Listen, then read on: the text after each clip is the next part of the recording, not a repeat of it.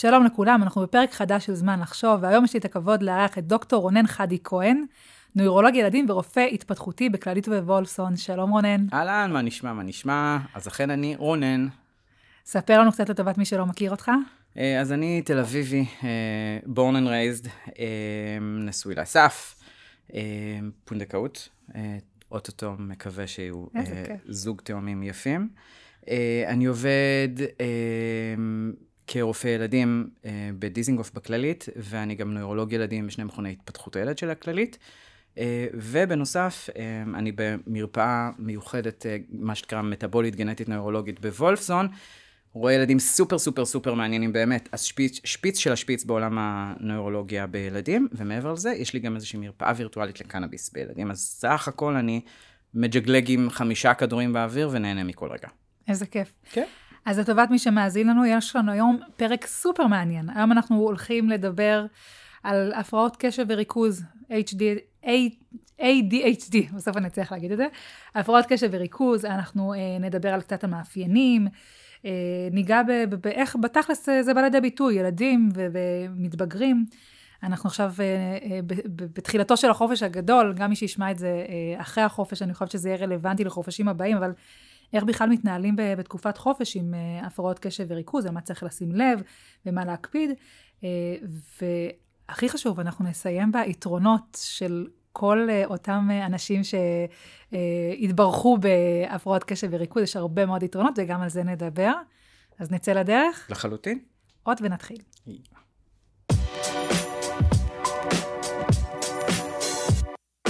זמן לחשוב, הפודקאסט של גופמן קריאייטיב, על השראה ומציאות. אז יצאנו לדרך, הפרעות קשב וריכוז, או בשם ה... מוכר יותר, HDHD, מה זה בכלל?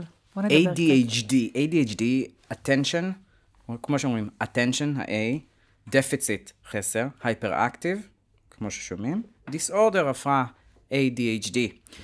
למעשה איזושהי הפרעה שכבר אה, עברה הרבה הרבה הרבה הרבה גלגולים. את יודעת מתי עלו סימנים ראשונים או חשד ל-ADHD, שאפילו, אפילו אה, אה, היה טיפול אז, טיפול כמובן מחקרי, שהיום בחיים לא היה עובר בשום uh, מסגרת uh, מחקרית uh, מסודרת, אבל הוכיח את עצמו. השערה מתי? אני הולכת ממש אחורה לימי, נראה לי הפירמידות, אבל אולי הגזמתי קצת ו... אז 1936 בערך, פסיכיאטר, שהעלה למעשה חשד למה שנקרא, לאיזושהי הפרעה בסופו של דבר, שקראו לה בשמות שונים, קראו לזה גם ברבות השנים גם איזשהו, אה, מה שנקרא dyskinetic disorder, או hyperkinetic disorder. אז כבר ב-1936 פונות מספר מורות לאותו פסיכיאטר, הוא מעלה איזושהי השערה שאגב היום כבר הוכחנו שהוא צדק. אה, ובעקבות אותה למעשה אה, השערה, הוא אומר, אז אוקיי, אז אם זה ההפרעה, בואו נעשה, נעבוד בהתאם.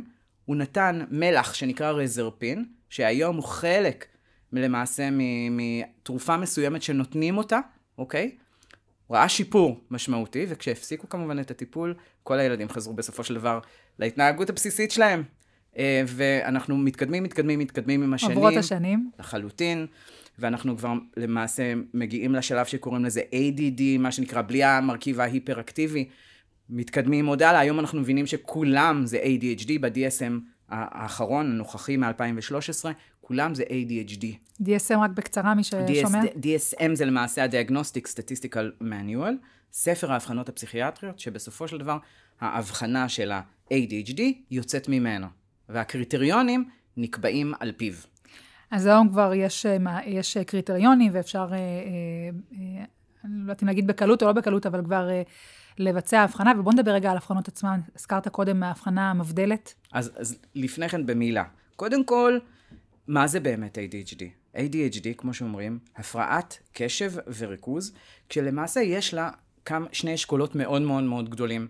אז יש לנו את האשכול שכמעט מחצית מהילדים בגדול לומדים ממנו, מה שנקרא inattentiveness, inattentiveness מה שנקרא חוסר קשב. הילד המעופף, הילד שאתה צריך לבוא אליו ולעשות לו ככה, ולהגיע אליו ולשאול אותו הכל בסדר, ולחזור על ההוראה פעמיים כי הוא שכח את ההוראה באמצע. אתה מרגיש שהוא באיזה עולם אחר, אה, שקוע במחשבות. ולפעמים הוא קצת מעופף, בדיוק. הוא שומע פתאום אה, מה שנקרא ציפורים בחלון, אז המחשבות נודדות, וכדומה וכדומה.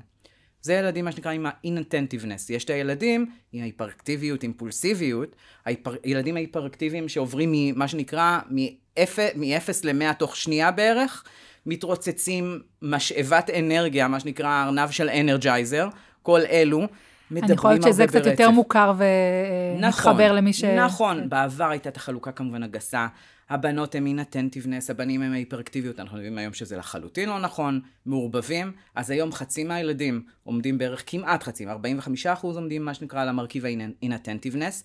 המשולבים, אומרת גם האשכול של האינטנטיבנס וגם ההיפראקטיביות, אימפולסיביות, הם בערך חצ, חצי, למעשה המרבית. שיש להם גם וגם. נכון, והמיעוט שבמיעוט הם ההיפראקטיביים אימפולסיביים בלי שום מרכיב של חסר קשב, זאת אומרת, היל... הילד שהולך בגלגלונים, אבל עדיין קולט הכל. אוקיי? הסוג של גאונים קצת, אני מניחה. זה אה, אה, מה שנקרא אה, הרופא שיושב מולך בילדותו, היום בדיעבד. זה דבר אחד. מעבר לאלו, אבל יש עוד כמה אה, קריטריונים חשובים מאוד, שעליהם למעשה לא שמים מספיק דגש, אבל קריטריון אחד, עד למעשה ל-DSM האחרון, היינו צריכים לראות כבר סימנים עד גיל 7. סימנים ראשונים ל-ADHD, שההורה ידווח באנמנזה שהיו כבר עד גיל 7. מה היום... למשל? למשל, שהילד כל הזמן בתנועה. כל הזמן, כל הזמן. צריך להעסיק את הילד. הוא לא, מה שנקרא, הוא מתקשה למצות משחקים. הוא זז, הוא נוגע, הוא קופץ מדברים, אוקיי, הוא יכול להיחבל והוא ימשיך לעשות את זה, וכדומה וכדומה. או שהוא, או שהוא מרחף מאוד, ואתה שולח אותו להביא משהו מהחדר, הוא חוזר מהחדר בלי הדבר, ואומר לך, מה? מה רצית? מוכר, כן. בדיוק. אז יש לנו את זה. היום מבינים שזה לא כזה פשוט, כי חלק מהילדים קצת גולשים מתחת לרדאר, אבל מסתדרים, בז- מה שנקרא, בזכות יכולות קוגניטיביות טובות, אבל עדיין קיימים כבר, ק- קיימים קשיים. כשבשלב מסוים כמות החומר וה... מה שנקרא, ודרגת החומר עולים, אנחנו מתחילים כבר לראות את הקשיים, ולכן היום אומרים, עד גיל, ש- מה שנקרא, 12 צריך להיות. צריכים להיות, מה שנקרא, צריכים להיות כבר סימנים ראשוניים. מעבר לאלו, הדרג... הדבר החשוב ביותר, יש את ה-D בסוף. מה זה ה-D? Disorder. זאת אומרת, צריכה להיות הפרעה. שזה אומר? פגיעה בתפקוד של הילד וגם האדם המבוגר בהמשך. פגיעה תפקודית.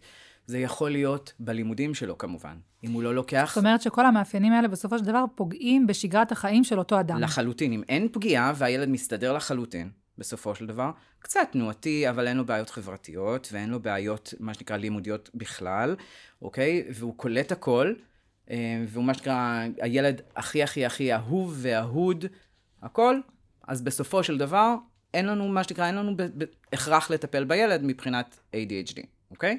זה עוד מעט דבר גם אחד. נדבר בהמשך קצת על דר, דרכי אה, טיפול, אבל אה, דיברנו גם על ההבדל שבין ילדים קטנים לבין אה, מתבגרים. גם נכון. שם יש אה, איזשהו פער. בוודאי. אז היום אנחנו יודעים אפילו שיש כבר הבחנה, ו, אה, אה, שכתבו קריטריונים למה שנקרא ADHD של הגיל הרך. הפרעת, יותר נכון, הפרעת קשב וריכוז של הגיל הרך, שמתחילה בגיל שנתיים.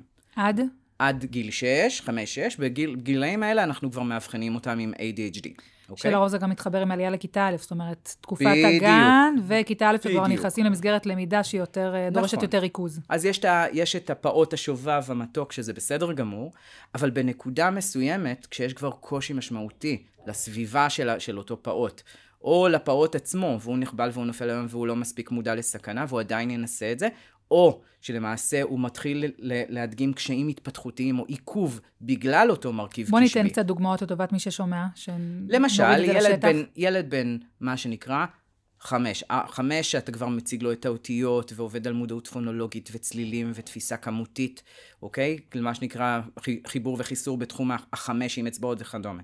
אם הילד כל כך תנועתי, למשל, או מרחף, שהוא לא, על אף היכולות הקוגניטיביות הטובות שלו, אם הוא עד כדי כך מרחף והוא לא מצליח לקלוט את מה שאתה אומר לו, הוא מתחיל לפתוח פערים, הרי שיש לנו בעיה, בסופו של דבר. כן. אוקיי? זו למעשה, זו למעשה אחת האינדיקציות להתחיל בסופו של דבר כבר למעשה לראות מה הקשיים של הילד, לראות את הצפי שזה יתפתח ל-ADHD, ומה שקרה להקדים תרופה למכה, או בסופו של דבר לא בהכרח לחכות עד הרגע האחרון ולהתחיל טיפול. גם לתת אה, איזושהי הקלה לקראת העלייה לכיתה א', שהיא מאוד דרמטית לילדים שסובלים מקשב וריכוז. לחלוטין. ניגע גם בזה, אבל מה קורה בגילאים היותר גדולים? אז קודם כל, דבר ראשון, כמו שאמרת, יש לנו את המעבר לכיתה, לכיתה א', אז הרבה פעמים יש קושי במעבר עצמו, אוקיי? הצורך לפעמים, הרבה פעמים הילדים עם ADHD נכנסים לאיזושהי מסגרת מאוד מאוד נוקשה חשיבתית, מתוך רצון להגן על, על, על עצמם, כן? קצת חרדות, לא? בוודאי. הם הרבה פעמים צריכים לדעת מה הולך לקרות. למה? כי הרבה פעמים הם יודעים שאם הם יפספסו דברים ויהיה להם קצת קשה יותר, הם כבר יודעים את זה מניסיון עבר, ממה דברים שקרו בגן. עצם הישיבה על כיסא למשך uh, מספר שעות, למרות שהיום יש הרבה בתי ספר שמבינים שגם ילדים בלי הפרעת קשב וריכוז, קשה להם לשבת כל כך הרבה שעות על כיסא. לחלוטין. והכיתות uh, כבר נראות אחרת, ויש uh, למידה שהיא יותר חווייתית, לפחות איך שאני מכירה אותה. אה, אבל עדיין זה, זה משבר עדיין, גדול, עדיין, עדיין, המעבר שבין עדיין. אה, לשחק בגן ו... טווחי הקשב המצופים בגדול, הם נגיד פלוס מינוס כפול שלוש מהגיל. זאת אומרת, בילד ביל, בן נגיד שש אמור לשבת עד 20 דקות יפה. אחרי 20 דקות זה בסדר קצת להתחיל להתפזר. עכשיו, נכון שהלמידה היא חווייתית, אבל אנחנו חשוב, חשוב לזכור שבסופו של דבר למסגרת חינוכית, יש איזושהי מטרה בין, הש... בין השאר. אוקיי? גם להקנות לנו ידע, וזה אומר בין השאר לשבת וללמוד. אוקיי? אבני היסוד שלנו, קריאה, כתיבה, חשבון, אוקיי? כל הדברים שאנחנו משתמשים בהם, אנחנו לומדים אותם בהתחלה. נכון. אז על אף כל הניסיון באמת לנסות לשפר את הסביבה, והוא חשוב מאוד, צריך גם להיות, בסופו של דבר, צריכה להיות המסוגלות של הילד לשבת ולקלוט ולעבד את המידע. מה גם שככל שעולים בגיל, החומר הופך להיות יותר מורכב, והישיבה יותר ארוכה, לא נדבר כבר על בגרויות וכן הלאה, אבל... מאוד. את תראי הרבה פעמים ילדים שהם קצת יותר גדולים, נגיד כיתה כבר ד', שיש כבר למעשה, אתה מצופה כבר לקרוא שוטף. נכון. יפה. אוקיי, אתה אמור לקרוא טקסט ולענות על שאלות ממנו. עכשיו, את תראי הרבה פעמים ילד ש... קורא את זה הרבה פעמים, אבל הרבה פעמים הם קוראים בלי לעצור. בלי להתייחס לפיסוק או להתאמה. הם קוראים את כל הקטע מהר, מהר, מהר, מהר, מהר, ואז בוא, תחזור לפרטים מהקטע. אין סיכוי. הם שוכחים מה הם כאילו קראו, או שהם זוכרים פרטים ראש... בודדים מהקטע. גם צריך, אני חושבת, לקחת בחשבון, אני לא רופאה, אתה דוקטור, אבל uh, אנחנו נמצאים בעולם קצת uh, אחר היום. יש כל כך הרבה הסחות דעת, וילדים uh, חיים uh, עם כל כך הרבה גירויים מסביב, שיש משהו, אני חושבת, בתרבות שלנו כבני אדם, שאנחנו כל הזמן חשופים לגירויים, והמקום הזה של להתרכז, הוא הולך ונעשה יותר ויותר קשה, ואני מניחה שאדם שמגיע עם רקע גנטי של HDHD, זה, זה, זה אפילו הופך את הדברים לקשים יותר. מה גם שזה גם עוד נקודה שככה העלינו אותה, אבל אה, מדברים על, על עלייה במספרים, על זה שיש יותר אחוזים מאובחנים. אז יש, אז כך. דבר ראשון, ADHD זו למעשה לא מחלה מומצאת של המאה ה-20, אוקיי? זו מחלה, זה, זה גם לא מחלה, סליחה. זאת איזשהו למעשה הפרעה, סוג של דיסאורדר, אוקיי? לא מחלה בשום צורה, אבל זאת זאת הפרעה אורגנית. היום אנחנו יודעים גם להג... לומר איזה אזורים במוח משתנים. היום אנחנו יודעים גם לזהות אותם בפונקשיונל MRI. כשאנחנו נבדוק ילד עם ADHD לעומת ילד ללא ADHD, יש אזורים שונים שאנחנו בסופו של דבר נ... ידלקו ואנחנו נראה שהחיווט שונה. כמה שזה נשמע מוגד... מוזר. אנחנו נראה שינויים מסוימים ב-EEG אפילו. אז יש לזה היום יותר ויותר ויותר, מה שנקרא, כלומר, דרך להוכיח את זה, לא זו אף זו, היום גם יודעים ברמה אפילו הגנטית, גנים כמו ה-DRD, אוקיי, למשל, או הדת, מה שנקרא דת 4, באזורים של, מה שנקרא, של, של, של, באזורים שבסופו של דבר במוח, שבין השאר משפיעים על מה שנקרא, ומובילים ל-ADHD, אבל הדבר החשוב הגדול מאוד, זה שכשבדקו את זה על עכברים, היה צריך להוסיף את האפקט הסביבתי. זאת אומרת, זה לא מספיק גנטי. אנחנו יודעים שיש שיעורים גנטיים ומאוד מאוד מאוד גבוהים, אפילו יותר מסכיזופרניה. מטורף. מטורף. עם זאת, לסביבה יש אה, משמעות. צריך את האפקט הסביבתי שיתלבש על זה, אוקיי? אז זה שיש את זה, נכון, יש, יש איזשהו, נעשה, איזושהי השפעה גנטית ברור שיש, אבל סביר להניח שבאותו בית יש גם יל, ילדים שונים ייחשפו לאותו אפקט סביבתי, ולכן אנחנו נראה את זה בשיעורים אבל כשאנחנו גבוהים. מדברים על אפקט סביבתי, מה למשל? תן דוגמאות לאפקט למשל סביבתי. למשל עישון, לדוגמה. שזה אומר? למשל, ילדים שנחשפים בגיל מאוד מאוד מאוד צעיר לעישון של ההורים, אוקיי? אוקיי. ילדים שנחשפים למסכים בגילאים מאוד מאוד מאוד מאוד מאוד צעירים, במה למשך זמן מאוד גבוה. אנחנו, נכון שקשה מאוד להוכיח סיבתיות ישירה, אבל אנחנו רואים קורלציה מאוד בולטת. עם העלייה בערכי מה שנקרא בזמן המסך בגילאים יותר ויותר ויותר צעירים, אנחנו רואים גם יותר שיעורים של ADHD. זה, זה כבר מתועד ויש מספיק נתונים על זה. זה מדהים, כי כל פעם אנחנו... אני, אימא לשני ילדים, שניהם נמצאים בבתי ספר, שניהם ביסודי. אמ, ואני רואה, אני רואה את ה, גם את ההבדל בין הילדים, ואני רואה מעבר לזה גם את ההבדל בגישה של אנשי החינוך. זאת אומרת, מורה X לעומת מורה Y, ובכלל איך הבית ספר הולך ומתפתח. אחד הדברים, אני חושבת, היפים שקרו בקורונה, זה שהבנו שאפשר קצת לשנות את הסביבה. אם דיברנו על מרכיב סביבתי, אז יש משהו שיכול לעבוד קצת אחרת, ודווקא הילדים שקשה להם לשבת, או, או מחפשים את המרכיב היותר חווייתי, לשמחתי זה משהו ש, שככה עולה יותר ויותר, ואני חושבת שזה אה, זה משהו שקורה לטובה, והמקום הזה של גם הסביבה החינוכית, אני חושבת שהוא הוא, הוא נתון להרבה ביקורת. יש משהו, אה, ש, אה, תהליך שאני חושבת הוא אץ בקורונה, של קצת לצאת מהמרחב הכיתתי ולאפשר לילדים קצת יותר להשתחרר, ותקן אותי אם אני טועה, זה, זה עוזר לילדים שיש להם אה, הפרעות קשב וריכוז, או שזה משהו שיוצר פעולה הפוכה של היעדר מסגרת? כמו תמיד, מינון. השאלה כמה. אם אתה בסופו של דבר מאפשר, הרבה פעמים בילדים עם ADHD, אנחנו נאמר למורה, תאפשר, כשילד מגיע לנקודת רוויה שלו, תאפשר לו כמה דקות, למה לאיזשהו סיבוב בחוץ, בסופו של דבר. מאידך, אם זה קורה כמה פעמים בשיעור, או שזה קורה באופן קבוע בפעמים רבות במהלך... הופך להיות שגרה או טקסיות. בדיוק. זה גם הופך להיות זה סוג של חרב פיפיות. זה גם, המורה מתחיל להשתמש בזה, כי הילד קצת, אה, קצת קשה לו, אז הוא מוציא אותו החוצה, והילד מתחיל לפתוח פערים הרבה הרבה יותר, מה שנקרא, גדולים ממה שהיו. אז זה לא זה. אחד הדברים הבולטים, אבל, שלגבי, אה, אני חושב לגבי הקורונה, שמה ש... בסופו, בסופו של יום היה שיקוף אמ, מאוד גדול להורים, מה המורים חווים. סוף סוף היה להם זמן, אה, איך אמרנו, זמן איכות עם הילדים. אז הזמן איכות הזה התבטא בדוחות שאנחנו קיבלנו בסופו של דבר של אותם ילדים עם ADHD, ואם בעבר, לפני הקורונה וגם עכשיו, אנחנו רואים הרבה פעמים דוחות הרבה יותר נוקשים של הורים עם ADHD, של ילדים עם ADHD, של, סליחה, של מורים.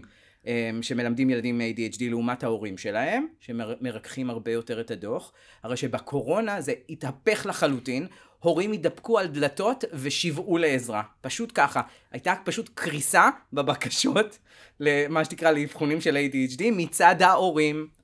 כי סוף סוף הם הבינו מה, מה, במה המורים נתקלים, כי הרבה פעמים יש פער בין זה שהמורה אומרת, הילד סובל מ-X, Y, Z, וההורים אומרים, מה פתאום, הוא ילד מקסים, אני רואה אותו בבית, הוא שקט, הוא רגוע, הוא הנסיך שלנו. ג'נטלמן אנגלי, כן. ממש ג'נטלמן אנגלי, וזה כשהם עם ילד אחד בכיתה... או שניים בכיתה, לא עם שלושים, אוקיי? שוני גדול.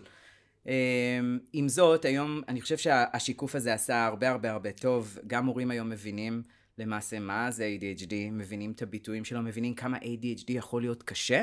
זה וכמה... שיש מודעות, זה אין ספק. יש בשנים האחרונות תהליך מדהים של הנגשה של... של ידע ו- ומודעות, אז, ואני חושבת שזה הולך ומחלחל, זה כבר לא... אחד, זו, זאת אחת זה הסיבות... זה לא הילד השטוטניק של הכיתה. זאת אחת הסיבות שיש גם למעשה יותר מה שנקרא עלייה באחוז של הילדים המאובחנים, כי היום גם הורים וגם מורים הרבה הרבה הרבה יותר מודעים למה זה.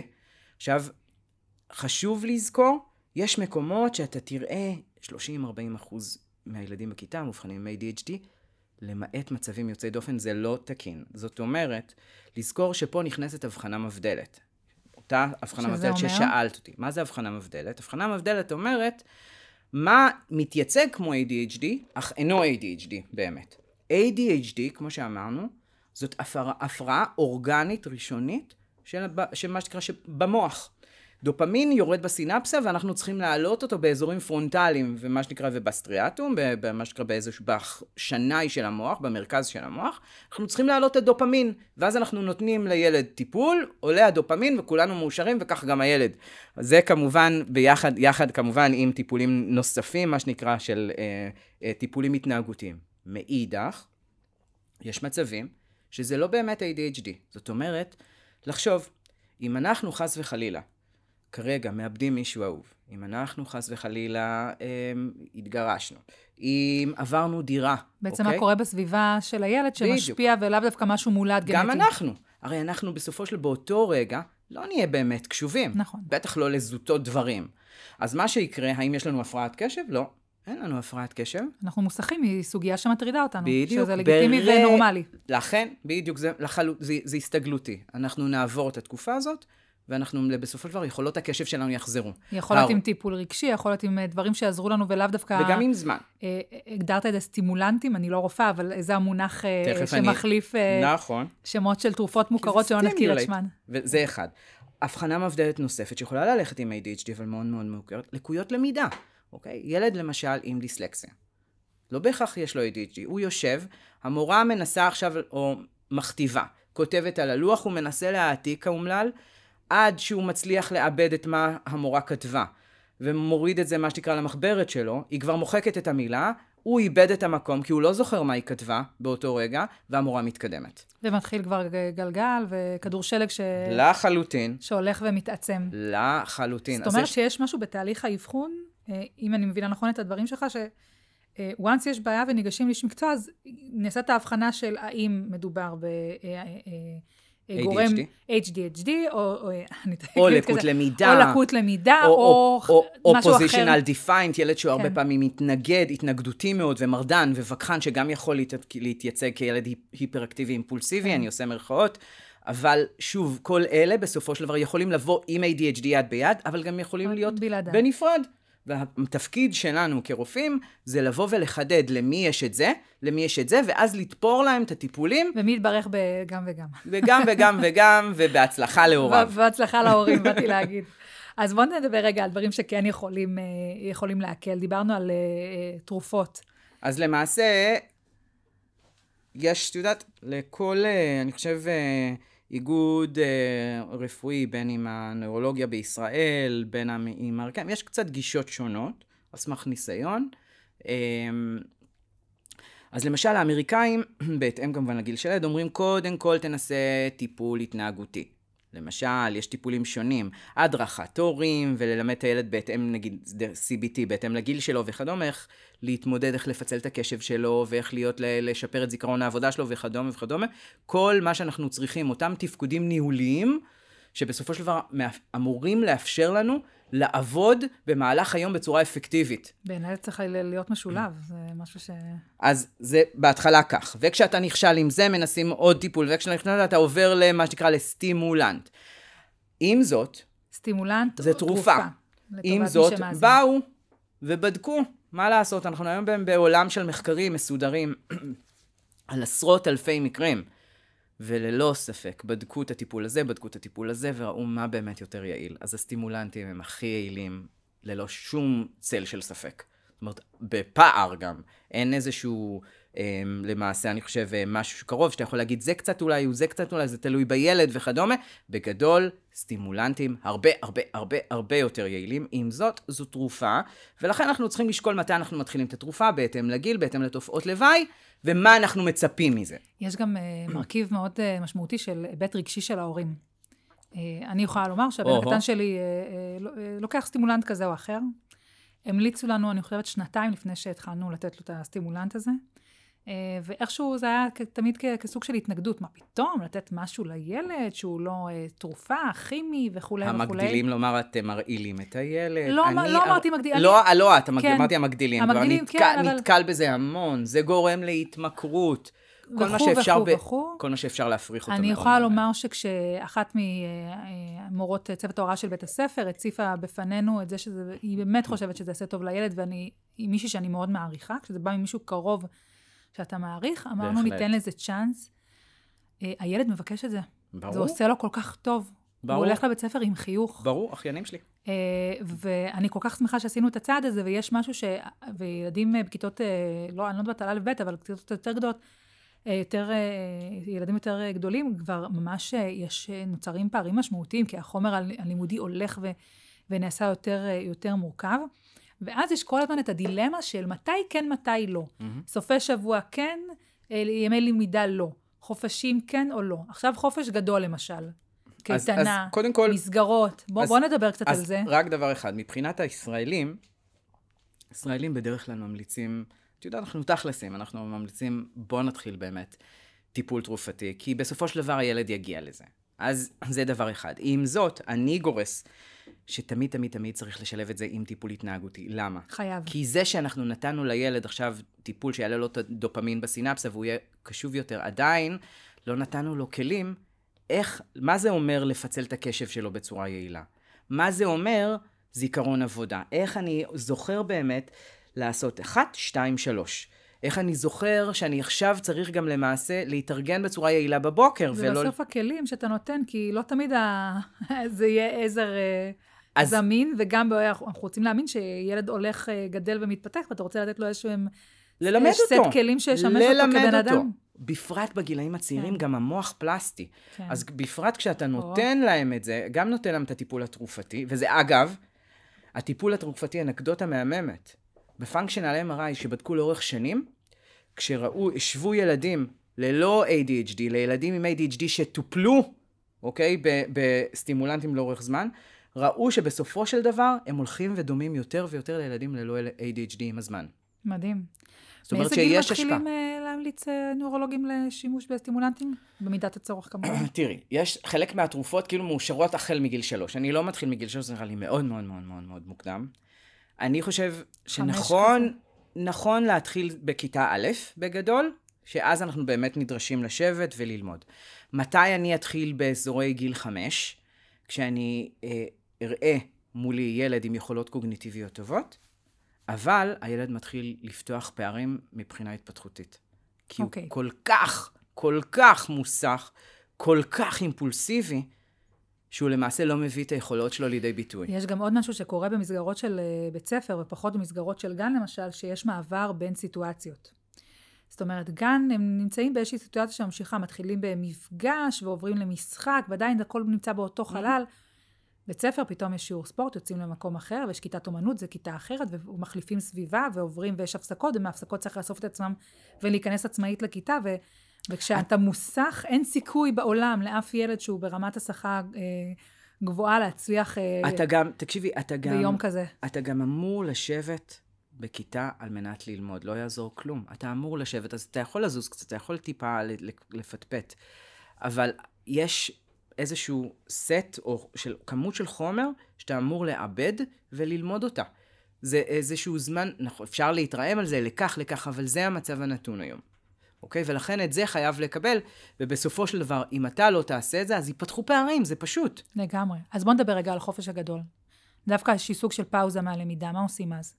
אז קודם כל, אמ, הדבר הגדול לפני כן. הגענו לחופש הגדול. האם להמשיך טיפול, לא להמשיך טיפול, מתי אני אמשיך טיפול? אז קודם כל זה תלוי בגיל של הילד ובאיזה איזה טיפול הוא מקבל. אז סטימולנטים יש כל מיני. סטימולנטים יש קצרים מאוד, אוקיי? של 4 שעות. יש כאלה של 8 שעות, אפילו של 12 שעות, אוקיי? אם יום הלימודים שלך מאוד מאוד מאוד ארוך, אם אתה למשל לומד לבגרויות, אז יש לך תרופות של 12-14 ש... שעות, כי אתה צריך לשבת ולתת עבודה. כן. לעומת זאת, אם יש לך יום מאוד מאוד מאוד מאוד מאוד קצר, אוקיי? אתה ילד קטן, יום מאוד מאוד מאוד קצר, אתה גם לא אוהב לאכול, אז יש לך תרופה של 4 שעות, בהנחה שאתה גם לא מפרק את הבית אחר כך, אוקיי? זה, זה דבר, ואתה ילד קשוב ו... או ילד רגוע אחר כך. אנחנו צריכים לתפור את הטיפול, ואז מגיע החופש הגדול. ועם מי מתייעצים? הנוירולוג, עם רופא... בוודאי. זאת אומרת, אתה, חלק משמעותי מה, אה, למעשה מ, מה, אני חושב, מהחליפה שאנחנו תופרים לילד ולהורים שלו, כי בסופו של דבר זה יחידה נכון. אחת, אז זה לשמוע מה גם ההורים מצפים, אוקיי? אם, בא, אם ההורה בא ואומר, תקשיב, סבבה הלימודים, אבל ימי שבת הם גיהנום בבית. הוא כל הזמן תנועתי, הוא לא יושב לשנייה, אי אפשר לש... לצאת עם אחים שלו החוצה. זה דבר שיכול לפרק משפחה, זה לא שווה שום דבר. לחלוטין, אז, אז אוקיי, אז יש גם, זה ילד שנגיד לא להפסיק טיפול בסופאשים, אוקיי? מעבר להדרכה של ההורים וכדומה. לעומת זאת, אם זה ילד מאוד מאוד מאוד שקט, מאוד מאוד מאוד רגוע, שאנחנו רוצים אותו רק מרוכז ב-8 עד 12 שהוא לומד, אז אפשר גם טיפול קצר. או שלצורך העניין הולך לקייטנה, ואנחנו רוצים שיהיה לו קשרים חברתיים עכשיו, תקינים. ו... אז שוב, ופה מגיע באמת החופש הגדול. עכשיו, אנחנו חושבים, כשאנחנו תופסים את החופש הגדול, אומרים, אה, חופש, חופש גדול, ילדים חופשיים, שינה, אוקיי, הולכים לקייטנה, זה לא כזה פשוט, כן? ילד קטן עם, שהוא היפר-אקטיבי, מאוד מאוד מאוד מאוד מאוד בולט, יחווה קשיים עצומים בקייטנה, ברמה שחברים יתרחקו ממנו, כי הוא למעשה רב איתם כל הזמן, הוא, הוא קיבל מכה מחבר, ובסופו של דבר החבר, הוא אומר לחבר, הרבצת לי. החבר אומר לו, לא, לא, לא הרבצתי לך, ממש לא. הוא פספס פרטים קטנים במהלך האינטראקציה, האשים את החבר האומלל שלו, ונוצר עימות מיותר. הוא ירוי יריב גם עם הרבה... עימותים חברתיים וגם עצם השינוי במסגרת. בואו נדבר על זה. אנחנו כבר יוצאים מאזור הנוחות ועוברים למסגרת חדשה. לפעמים, סליחה, מסגרת שלא היינו בה עד עכשיו, קייטנה יכולה להיות קייטנה חדשה, מקום חדש. יכול, צוות נכון, חדש, אבל אז יבואו מבלבל. הורים ויגידו לך, כן, אבל זה בריכה והכול. עדיין. לא, לא, זה לגמרי. בתקופה, זה גם השינוי הזה. זה גם השינוי החברתי.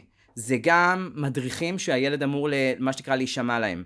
זה גם חשיפה הרבה יותר גבוהה לסכנות. בדיוק מה שבאתי ילד להגיד. שירוץ עכשיו, למרות שאתה אומר לו, אל תרוץ בבריכה. הוא רץ ויחליק וייפגע, הוא אתה ייכנס יודע, הייתה לכביש. פה, אה, השבוע, שבוע שעבר הקלטנו פודקאסט, אה, אני ועינת אה, שגיא אלפסה, שהיא מארגון בטרם, סליחה, על, על הסכנות בחופש הגדול, ועל כמות הפגיעות והתאונות חלילה, ואני אומרת, דווקא אני בגישה שלי כהורה, עוד פעם, אני לא ייעוץ רפואי ולא רופאה ולא חלילה יכולה לתת עצה משפטית, אבל אני יכולה להגיד שאני כאימא, רואה את התקופה של החופש הגדול כנורת אזהרה לכל ההורים. זה הזמן... מועדת לפורענות. מועדת לפורענות. לחלוטין. זה, זה בדיוק הזמן לילדים ש, שצריכים לאסוף את עצמם, לתת להם כל עזרה אפשרית, כדי שהחופש הזה יצלח בשלום. בדיוק. אז, זה אז מבחינתי... גם בילדים הקטנים, אוקיי? אתה לא רוצה ילד שעכשיו אה, לא באמת אה, שוקל את סיכוניו וקופץ ללא מצופים בגיל 6 למים עמוקים, למרות שאמרת, חבר'ה, לא לעשות את זה.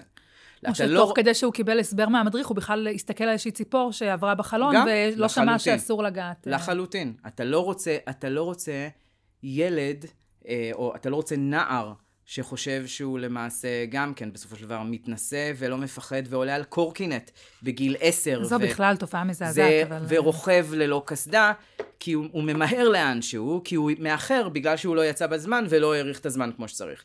אז יש לנו את כל אלה ויש לנו הרבה הרבה יותר סכנות. אנחנו רוצים לתפור את הטיפול, לכן, בגדול, אם הילד קשוב לחלוטין והוא מתוק ואין שום דבר ואין לו שום אה, גם איזה שהן מטלות whatsoever, אז לא בהכרח חייב, אבל מרבית הילדים, יש להם, ועוד איך מטלות, יש להם, הם אמורים להיענות גם למה שנקרא ל... גם למדריכים. אוקיי, אמרנו שחצי מהם לפחות הם גם עם מרכיב של היפראקטיביות אימפולסיביות. לא רק זה, גם אנחנו לוקחים אפילו בחשבון את הסבא והסבתא, עכשיו צריכים להשגיח על הנכדים. ברור, שזה האומללים. בכלל, מה גם שאנחנו רוצים לשמר את הקשר הזה, לא רוצים להקשות ולא רוצים סכנות, אז כן, בהחלט, אז יש הרבה... יש לנו את אלו. יש לנו, אז, אז זה דבר אחד. מעבר לזה, יש הרבה פעמים גם מטלות לימודיות, מה לעשות? חוברות קיץ, דברים כאלה. אתה לא רוצה להגיע למצב שפתאום הילד נזכר שבוע לפני סוף החופ, החופש, שיש לו ערימה ענקית. לא רק זה, גם יש עוד uh, עניין, שדווקא התקופה הזאת של החופש, לחלק מהתלמידים שיש להם קשיים כאלה ואחרים, זה הזדמנות להדביק פערים. נכון. דווקא הילדים שסובלים מהפרעות כאלה ואחרות, או שיצרו איזשהו פער uh, במהלך השנה, אז... בפרט בקורונה. פרט, ובכלל, בואו נדבר על... uh, אני יכולה להגיד שהבן הקטן שלי. הקורונה זה היה א'-ב'.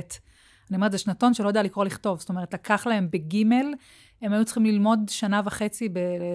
ש... סליחה, ש... שנתיים וחצי לדחוס באיזה חצי שנה. כן. ללמוד את כל הקריאה כתיבה, זה, אני חושבת שזה החתך גילאים שנפגע הכי הרבה, מי שהיה בזמנו באלף-בית.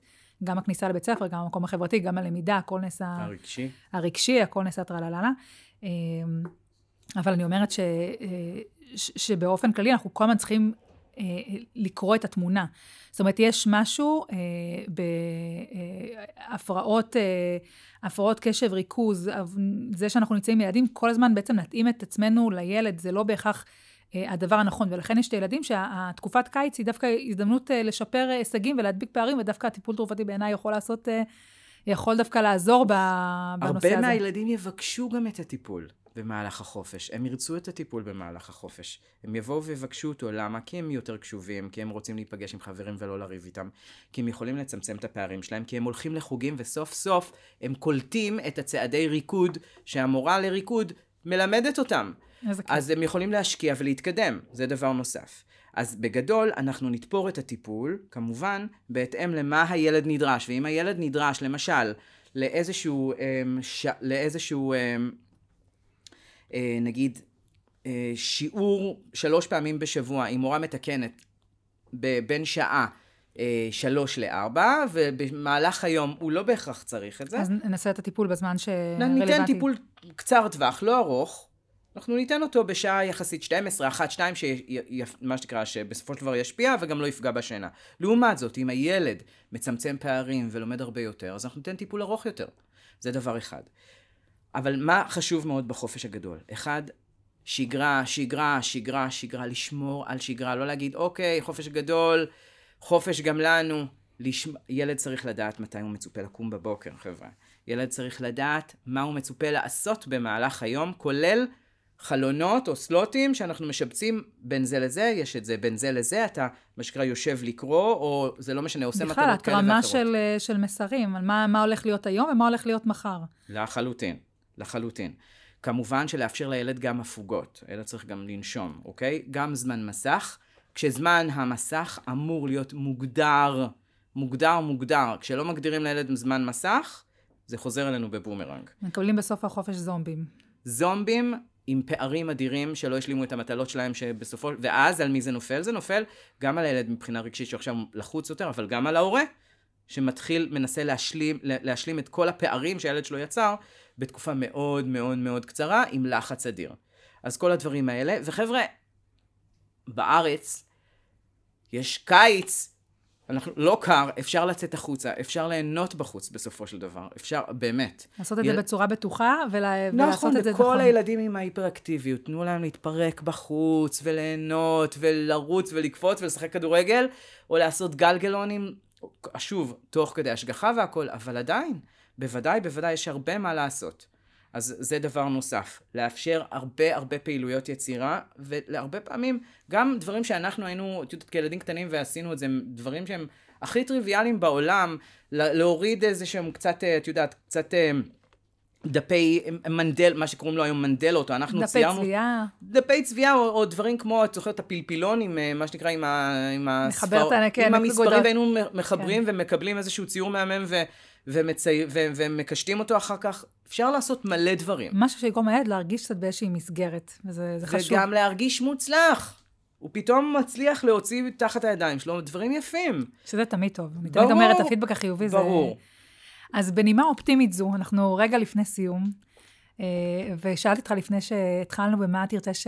שנסיים, ונתת לי תשובה שאני לא חושבת ש... שיש טובה ממנה, עם היתרונות. אז בוא נדבר. את יודעת איך מזהים אדם עם, עם, עם ADHD? איך? גם הבוגרים שלהם ברק בעיניים. גם הילדים. באמת, ברק בעיניים. אנשים אמביציוזיים, אנשים באמת מלאים באנרגיות. ולא מותשים כל כך מהר. וזה ילדים שבסופו של דבר יש להם כוח להוציא, הרבה מהם, יש כוח להוציא דברים גם למבוגרים. בסופו של דבר אנחנו מבינים שהרבה מאיתנו שהיו ADHD ב, בילדות שלהם, אנחנו מציגים את זה בצורה שונה, אבל אנחנו מקדמים דברים שאנחנו רוצים.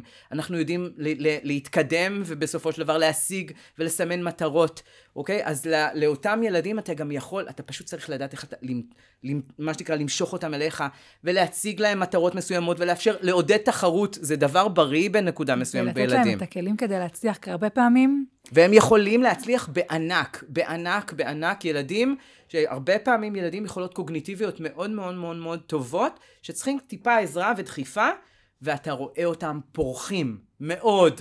ואז אתה רואה את כל היכולות המהממות שלהם. נקודה אחת אחת לסיום, זה איזה מקרה שהיה לי מהמם במרפאה. לא, הביאו לי שני ילדים מעין גדי.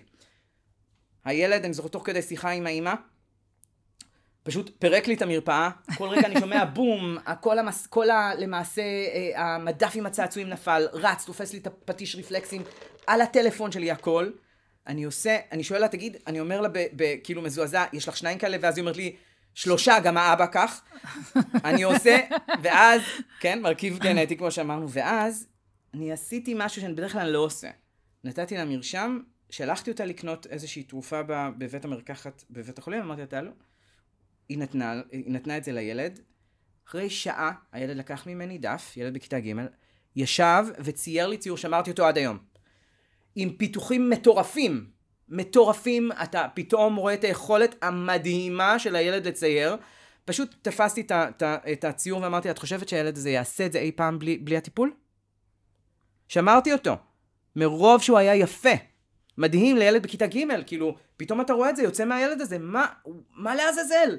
מדהים, מדהים, מדהים. אז בסופו של דבר, הילדים האלה צריכים פשוט עזרה, גם המבוגרים, אגב, גם מבוגרים. ופתאום אתה רואה את כל היכולות ואת כל האמביציה שלהם מתועלים בכיוון חיובי, והם פורחים. ואז אתה רואה באמת למה הם מסוגלים. אז מלא מלא יתרונות טובים באמת, רק צריך לדעת בסופו של דבר למשוך את הילדים האלה למה שנקרא, לדברים חיוביים. אני איתך, לגמרי. וואו, היה לי מרתק. גם לי, גם לי, גם לי. אז בנקודה הזאת אני אומר לך תודה, דוקטור רונן חדי כהן, נוירולוג ילדים ורופא התפתחותי. היה פרק, כמו שאמרתי, מרתק. תודה רבה רבה. מקווה שכל אחד ייקח ממנו משהו אה, לדרך.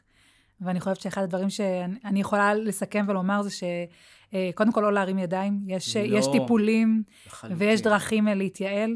ולראות אה, תמיד את הטוב, ולדעת שיש אנשי מקצוע טובים שיכוונו אתכם בדרך. להתייעץ, להתייעץ, להתייעץ, לא לפחד, להתייעץ. היום אנחנו בעולם, כשאתה לא יודע משהו, אתה הולך, קורא, ואם לא הצלחת לאבד הכל, כי יש תמיד אפשר הצפה לשאול את של מי חומר, שמבין.